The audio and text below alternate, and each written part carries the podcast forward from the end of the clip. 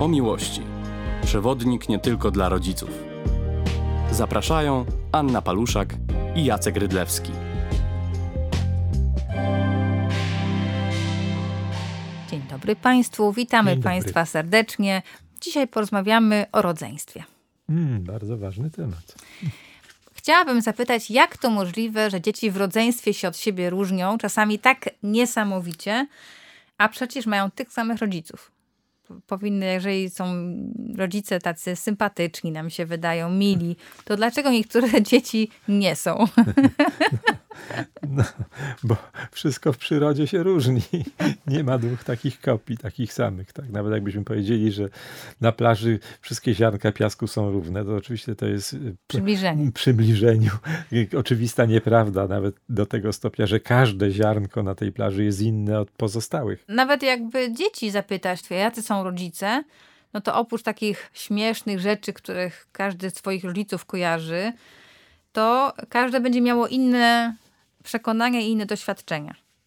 Nam się wydaje to jednakowo, bo dajemy pół jabłka temu dziecku i pół jabłka temu Mhm. dziecku, prawda? Ale tu chodzi o taki proces na przykład chociażby skojarzeniowy, nie? że ta córeczka wywołuje we mnie jakieś e, skojarzenia, nie wiem, z moją matką albo z dzieckiem, które ona utraciła na wojnie i, i bardzo do dzisiaj ma depresję. Czy rodzic zdaje sobie sprawę z tego, że to mu się tak kojarzy? Nie.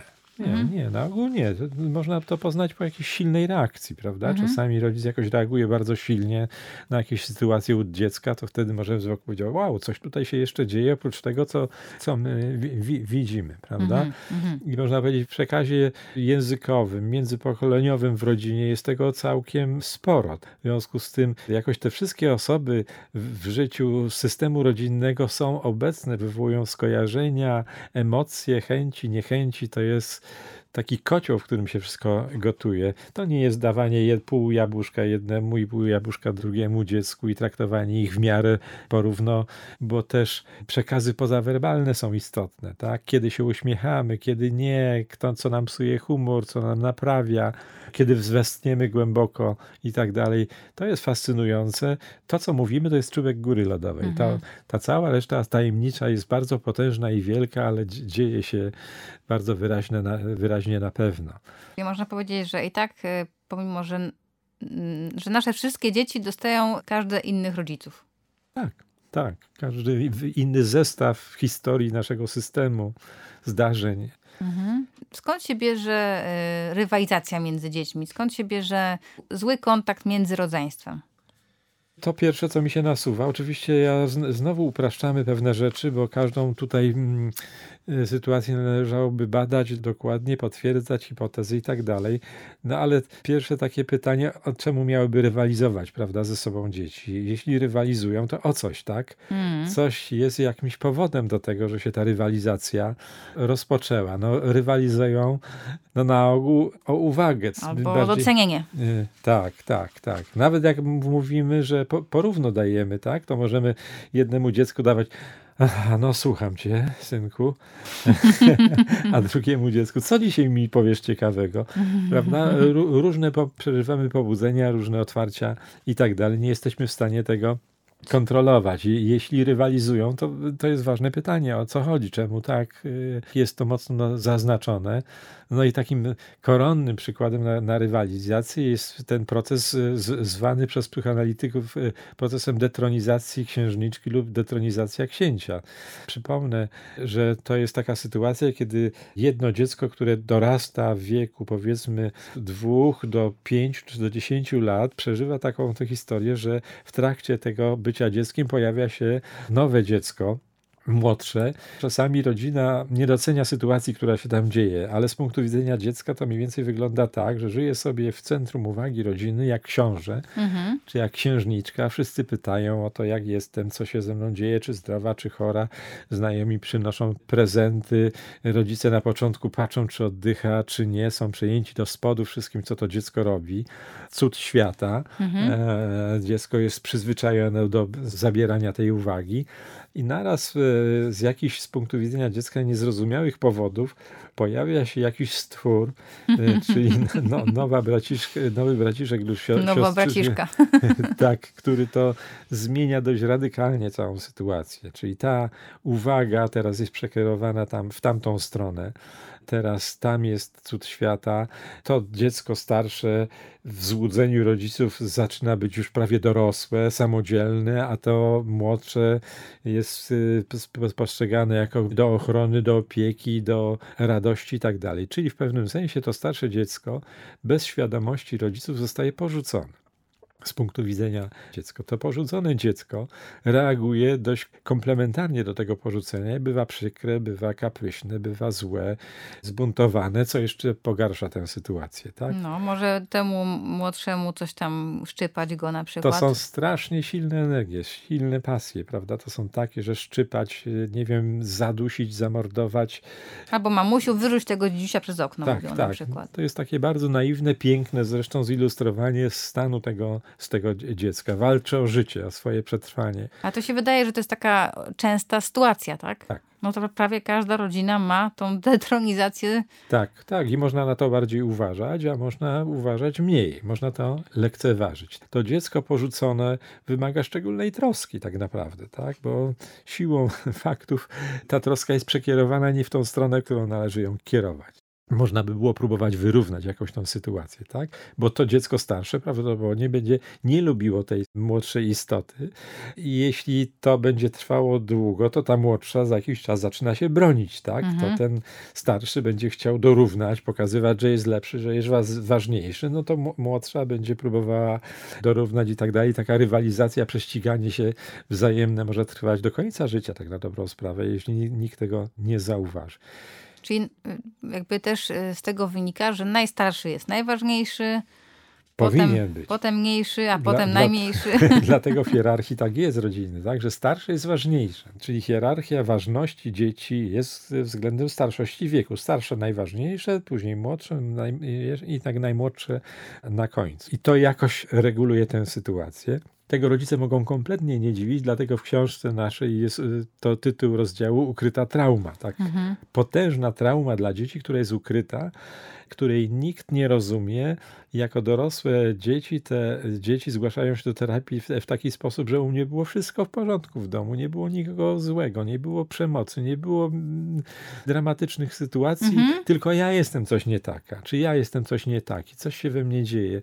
A to dziecko musiało sobie poradzić w wieku powiedzmy trzech lat czy pięciu lat, kiedy nie ma rozumu, ze strasznie silnymi procesami, na przykład zawiści i zazdrości, który jest społecznie bardzo negatywnie e, oceniany. Czyli dziecko prawdopodobnie też, tak? Co ciebie stało się, diable wcielony, diabeł ciebie wstąpił, nic ciebie nie będzie. Nieraz słyszałam, że diabeł we mnie wstąpił. No proszę. No, no, z takiego lęku i nieraz byłaś pewnie pacyfikowana, co oczywiście nakręcało być może spiralę Nienawiść. nienawiści, która, jak sobie o tym rozmawiamy, jest totalnie uzasadniona, jest procesem w harmonii. Harmonijnie reagują starsze dzieci, ale są za to represjonowane bardzo mocno, bo rodzice tego nie wytrzymują. Nawet bym powiedział tak mocno, jeśli wśród słuchaczy są osoby, które mają jakąś młodszą siostrę do 10 lat, to w jakiejś mierze podlegają temu procesowi. Mhm. Czyli rada dla nich taka, jeśli przeżywacie zazdrość, to ona jest naturalna. Ona jest y, w wyniku pomyłki, która na, nastąpiła w taki sposób, że przestaliście być bardziej kochani. Dowodem na miłość rodziców w tym okresie jest uwaga, uwzględnianie potrzeb. Rodzice byli zaczarowani, byli w transie, w którym nie widzieli ciebie. To nie jest aż taki głęboki wymiar. Nie przestaliście być kochani. To pomaga trochę. I to pomaga zrozumieć te trudne uczucia, które są, tak? że, że one są uzasadnione tym, że ktoś wam odbierał najcenniejszą rzecz, jaka wam była zaoferowana w życiu, i przeżywacie dalej taką obawę, że to może być odebrane, tak? że musicie o to walczyć do dzisiejszego dnia.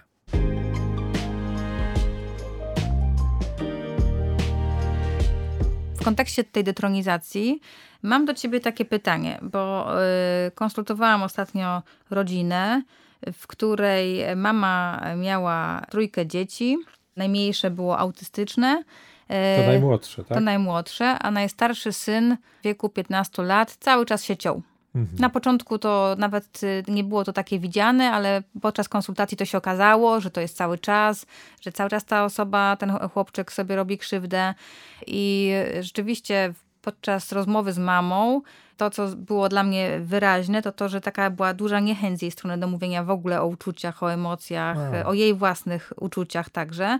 Jakby to było coś w ogóle trudnego, żeby y, Mhm. rozpłakać się albo być w takiej bezradności. I ja tak po prostu trochę edukacyjnie mówiłam właśnie o tej detronizacji, czyli o tym, że dla tego chłopca to jest bardzo trudna sytuacja, że on zawsze mógł być taki ważny i mógł mieć tych rodziców i ich uwagę, a teraz no, jak się pojawił ten e, młody z autyzmem, to jakby cała rodzina jest zaangażowana wokół tego chłopca i No. w ogóle ten duży nie dostaje uwagi, tylko jakieś takie ochłapy tej uwagi, to co zostanie po prostu, co wiadomo, że rodzice mają też własną jakąś ilość tej siły, energii i tak dalej.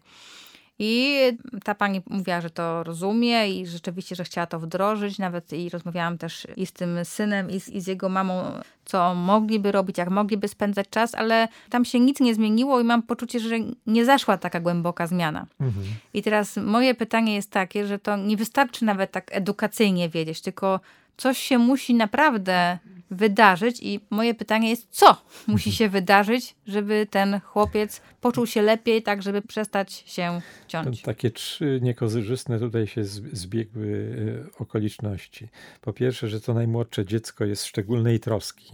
Proces Naprawdę, no. detronizacji jest bardzo, bardzo mocny. Mama, która z jakichś powodów nie może emocjonalnie reagować, czyli prawdopodobnie to pomaga jej nie widzieć tej sytuacji. Być może sama była kiedyś w takiej sytuacji, się, tak powiem, zamroziła i dlatego nie rozumie, nie czuje tego, co się dzieje wokół, nie chce tego widzieć, bo to by się łączyło ze swoją rozpaczą, gdyby do tego doszła. To są te dwie trudne okoliczności. No i ten y, krzyk rozpaczy, prawda? Można powiedzieć, jak się wczujemy tego chłopaka, no to, to jakby on mówił, co ja jeszcze mam zrobić. I prawdopodobnie dramat polega na tym, że on do końca nie rozumie, co się z nim dzieje. On się tylko rozładowuje z jego punktu widzenia. Czasami samo okaleczenie jest taką metodą prób i błędów, y, powoduje zmniejszenie cierpienia, którym żyje, tak? Że mniejsze cierpienie jest okaleczenie siebie i ono jest w porównaniu łatwiejsze do zniesienia niż to, co się we mnie dzieje tam na głębszym poziomie, tak? Tutaj jestem zajęty tą krwią, tą raną, można powiedzieć, przewrotnie zmniejszam sobie cierpienie, kalecząc się. No tak. I ten syn wymaga no, takiej pomocy, prawda? No, po pierwsze w, w tym, żeby zrozumiał siebie, co się w nim dzieje, co się z nim dzieje, jakie siły nim rządzą. Czyli tak? to on potrzebuje psychoterapii? Nie, on nie będzie chciał pójść na terapię, prawdopodobnie. Jeszcze jest jeden e, taki ważna historia, w jakim momencie jest ten chłopak, bo on już się być może obronił przed tym trudnym momentem na przykład i stał się takim outsiderem, czyli w środku sobie myśli, ja mam wszystkich was gdzieś, prawda? Ja tylko będę zwracał uwagę na moim za- zachowaniem w, w, taki, w taki sposób, ale nie chcę nikogo bliżej. To można było rozpoznać, jak on reaguje, ten chłopak, na to, gdyby ktoś przyszedł do niego i e, zaproponował zbliżenie, takie ciepłe zbliżenie. Jeśli on by zaproponował, zacząłby gryźć i kopać w tym momencie, to prawdopodobnie jest takim outs- outsiderem, tak? Już nie chce. Teraz dziękuję bardzo. To, No moim zdaniem jest tak lekko zamrożony, aż takiego y, nie byłoby gryzienia bo i tam jest ta szansa, bo jak jest ktoś outsiderem, to właściwie jest do niego dostęp bardzo trudny, tak?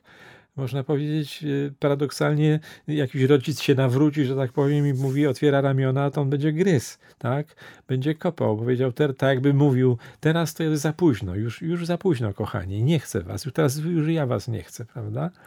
No i dramat polega na tym w tym momencie. A jeśli jeszcze nie jest tak do końca zamrożony ten chłopiec? no to rodzice mają jakąś szansę. No ale tu jest y, problem z tą panią, o której mówisz, czyli ona z jakiegoś powodu sobie, tylko pewnie na razie niewiadomego, Sobie wiadomego. nie, bo pewnie nie zdaje sobie Aha. sprawy z tego, chciałaby to rozwiązać jakoś. Może jest przejęta tym na przykład, że się urodziło dziecko z wadą, to kobiety często reagują, może się czuje winna, może nie wiem. Zmęczona, wycieńczona. Zmęczona, może wyobrażała sobie, że to jest kara za grzechy, albo, albo jej się to należy, że coś popsuło, no i tak dalej, cała masa rzeczy, które mogą się dziać. No to oczywiście jest tylko możliwe do rozwiązania w terapii. Czyli tak? ta osoba, ta, ten rodzic, ta mama, Mhm. pewnie też tata, Tak, No bo to tato pracować. mógłby być pomocny, ale czemu tato? Jakby był włączony, m- można... Byłby włączony i mógłby przyjść, tylko zajmował się wtedy tym e, Aha. chłopcem autystycznym, który bardzo cały czas potrzebuje bycia ogarnianym. Nie jest tak Aha. możliwe, żeby go zostawić.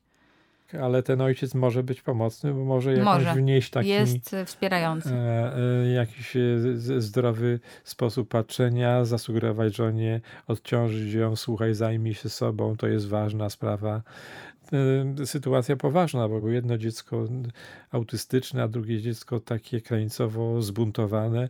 Nie wiadomo, kogo ratować pierwsze, jak pożar, prawda? Mhm. Mm, Ale twoja uwaga idzie w stronę rodziców i mamy. tak, ten chłopak, o którym mówimy, może pójść na terapię, jak będzie dorosły. Rodzina mogła pójść na terapię. Czyli to, że ta interwencja taka zwykła, edukacyjna nie zadziałała, to Mhm. dlatego, że ta pani nie mogła tego przyjąć, czy że to było za mało takie jakby działanie, czy to właśnie chodzi o to, o to co mówisz, że to był tylko ten czubek góry lodowej, No, bardzo prawdopodobne. a te niewerbalne wszystkie zachowania, które jej utrudniają Mhm. widzenie tego syna, zostały.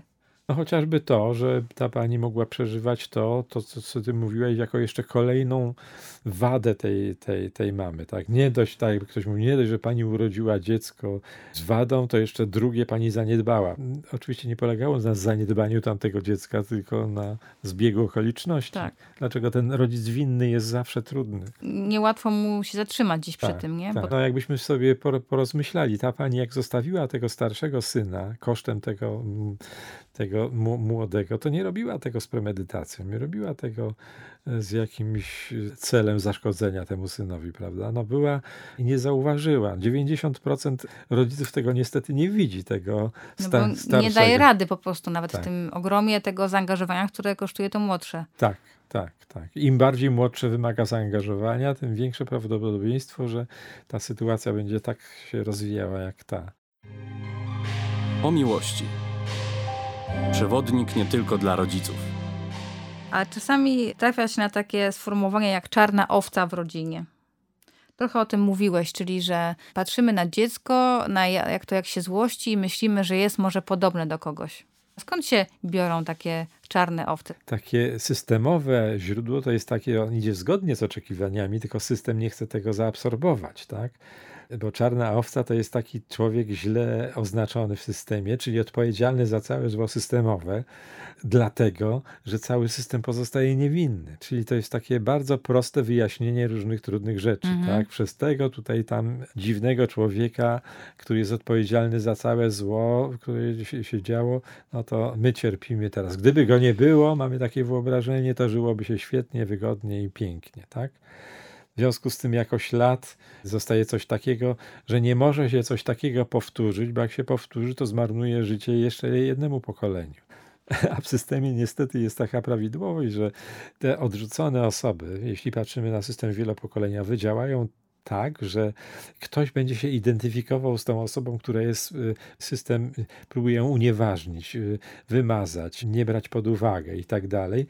No chociażby dlatego, że to wymazanie się nie udaje, ale wszyscy mają emocje i czują, że jakiś ktoś tam w pokoleniu zaczyna być podobny, to im wszystkim gęsia skórka Tak. się pojawia i nieświadomie wzmacniają tego typu skojarzenie, które gdzieś tam sprzed laty było i ta osoba uczy się metodą prób i błędów. Aha, no tak, tak, tak.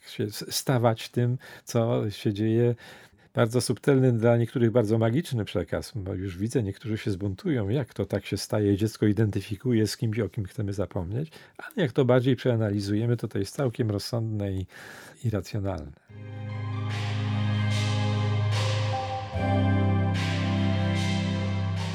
Jacek, to jeszcze ostatnie pytanie, które mogę zadać w dzisiejszej audycji na temat rodzeństwa. Jak to jest, jak jesteśmy faworyzowani przez któregoś z rodziców? No bo pewnie tak się dzieje, sami zauważyliśmy, że różnie nam się serce otwiera na różne dzieci, różne dzieci nam się kojarzą z różnymi osobami, to często jest proces jakiś nieświadomy i załóżmy, że w naszym przypadku też tak było, czyli że byliśmy faworyzowani albo właśnie nasze rodzeństwo było faworyzowane, a my nie.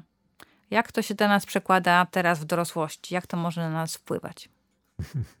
Coś o faworyzowaniu dzieci mogę powiedzieć z własnego doświadczenia, ponieważ byłem faworyzowanym synem. I to nie było dobre, ponieważ musiałem patrzeć na mojego brata, który nie był faworyzowany. we mnie do dzisiaj to wywołuje taką niechęć do rywalizacji. Tak? Jak miałbym kogoś próbować prześcignąć w czymś, to ja rzucam zabawki, dziękuję bardzo, poddaję się, jesteś lepszy, bez walki. Jakoś cały czas czułem, czułem się źle z tą niesprawiedliwą jakoś przypisywaniem mi ważniejszych rzeczy. Mój brat zapłacił za to cenę, ale już dobrze, nie chcę o nim mówić, bo nie mam jego zgody na ten temat. No tak to może być, tak? Czyli Taka... jest, jest cena, którą się płaci za bycie niefaworyzowanym. A to gorsza ewentualność, prawda? No, że ten niefaworyzowany może rosnąć w takim przekonaniu, że musi coś specjalnego zrobić, żeby zasłużyć na, e, na szacunek, na uwagę, na poważne traktowanie. Czyli to się później multiplikuje w bardzo wielu sytuacjach społecznych, zwłaszcza tych ważnych, prawda? Czyli można sobie wyobrazić taka niefaworyzowana osoba właściwie ma przede wszystkim takie przekonanie głębokie, że muszę coś zrobić specjalnego, żebyś mnie zaakceptował, tak? W małżeństwie, w parze i tak dalej. To jest męczące zajęcie, prawda? To nie jest miłość bezwarunkowa. Muszę się starać, tak? A jak sobie odpuszczę, to jestem nie do przyjęcia, tak? I to jest bardzo poważne takie wyzwanie, jeśli to sobie przełożymy na przekazy, które są niemówione, ale do ważnych osób, to one mniej więcej tak brzmiały. Tak? Spotykam ja niefaworyzowany, powiedzmy kobietę mojego życia i mówię, wiem z góry, że taki jakim jestem mnie nie pokochasz. Mhm. To ją może trochę ranić. Mhm. Prawda? Można powiedzieć, no tak, no ale co, co ty mówisz? Ja nie mam z tym nic wspólnego. No. nie gadaj, nie gadaj, wiem o tym, jesteś przekonany, że nie, nie stolerujesz mi, mnie takiego, jak, jak, jakim jesteś. Czyli naprawdę mnie nie kochasz. Będziesz mnie mhm. kochała, jak, jak zrobię coś specjalnego. To może być nawet wkurzające. No tak, może być wkurzające. I to nie jest tak łatwo naprawić. Taki, jaki jestem, nie jestem wystarczająco dobry. Muszę być coś specjalnego zrobić, jakoś zasłużyć na to. Mhm. A jak byłem cały czas y, niedoceniany, to, to właściwie nie wiem, co mam zrobić, żeby zasłużyć. Mhm. Nie? To musi być coś ważnego i wielkiego. A jeśli widzimy to w swojej rodzinie, widzimy, że nie wiem, partner, partnerka lepiej reaguje na jedno dziecko, a drugie nie. To, to... Po, pogadać z nim. Mhm. No a jeżeli to nie przynosi efektów, bo jest zaprzeczenie po drugiej stronie. Pogadać jeszcze raz. Okej, okay. czyli jesteśmy odpowiedzialni za to, co widzimy. No, w pewnym sensie. No ja może dodam, że to pogadać z partnerem, to wracamy do tego, co było na początku, że ta jakość relacji między mną a moją partnerką, czy albo mną a moją żoną i w drugą stronę jest niezwykle ważna, prawda? Mhm. Bo jeżeli ona jest w miarę harmonijna, no możemy o wszystkim porozmawiać, tak? Możemy wszystko zobaczyć i tak dalej. E, natomiast jeśli jest coś takiego, że ktoś tam faworyzuje kogoś, a ja dla odmiany, no to pytanie jest, co się między nami dzieje tak na dobrą sprawę. Mhm. Właściwie tematem nie jest faworyzacja, tylko co się między nami dzieje, o co chodzi, czemu ta osoba, czemu ją preferujesz, czemu trudno nam ze sobą rozmawiać e, mhm. mhm. w, w, tej sprawie. Jakieś porozumienie względem dzieci jest, jest istotne, tak? Żeby nie było jednego źródła informacji kompletnie innego od, od tego drugiego źródła informacji, prawda? Prawda? Często jest tak, jak rodzice walczą ze sobą, to tu jest tak, a tam jest inaczej. Ojciec mówi, nie dostaniesz tutaj pieniędzy żadnych, dopóki nie poprawisz e, swoich ocen, a mamusia, która walczy z ojcem po cichu, to on mu da pieniądze, żeby zjednać sobie tą wyobrażoną miłość dziecka i przechylić tą koalicję na swoją stronę. Czyli to faworyzowanie też być może się zdarzyć, że jest rodzajem walki tak. rodziców. No na ogół tak. Chyba, że to dziecko budzi moje skojarzenia, powiedzmy, nie? Moja córka budzi moje jakieś doświadczenia, które były dla mnie trudne w moim dzieciństwie. Jak patrzę albo na to. Dobre. Tak, albo dobre, ale te trudne, to jak patrzę, to ja mam ochotę po prostu jej nieba uchylić, żeby jej, mhm. za, żeby ona nie przeżywała tego. No właśnie, a jak jest tak, to może wtedy nie warto tego drugiego rodzica tak naprostowywać. No dobrze, warto? ale warto o tym pogadać. Przepraszam hmm. cię bardzo, ja tak reaguję. Na, na, przykład, no nie mogę patrzeć na to, jak ty temu synowi coś tam krzyczysz na niego, prawda? Mi no. się to kojarzy z tym, jak ojciec na mnie krzyczał i ja po prostu miałem tydzień do tyłu e, i traciłem sens życia i tak dalej i tak teraz reaguję. Taka rozmowa już wlewa trochę przestrzeni, tak? Przestrzeń. Mhm. Nie jestem zniewolony tym takim odruchowym działaniem. Bardzo Państwu dziękujemy. Jacek Rydlewski i Ania Paluszek. O miłości. Przewodnik nie tylko dla rodziców.